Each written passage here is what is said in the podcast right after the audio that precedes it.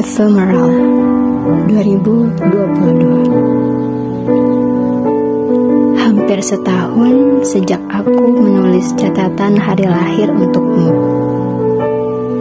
Selama satu tahun ini telah lahir cukup banyak tulisan yang aku nyawakan atas namamu.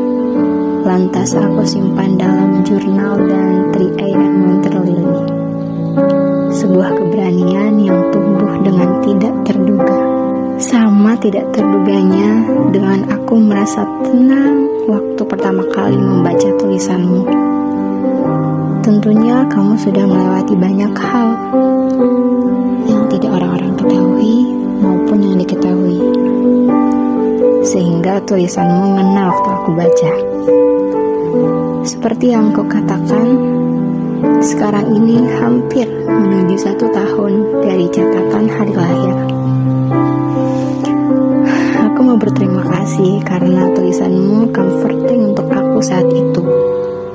Bahkan waktu aku baca lagi sekarang, dengan keadaan yang jauh berbeda, emosi yang ditimbulkan masih sama, yaitu kamu sudah menjadi inspirasiku dalam hal menulis. Mungkin ini akan menjadi monolog yang terakhir aku tulis untuk kamu.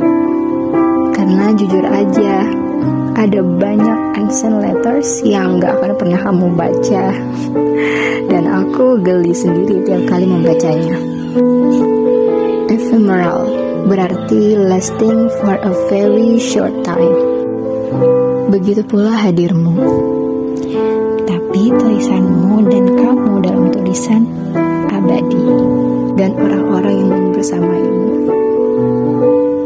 Tulisannya juga keren, yaitu dan hanya yang hidup yang berjalan.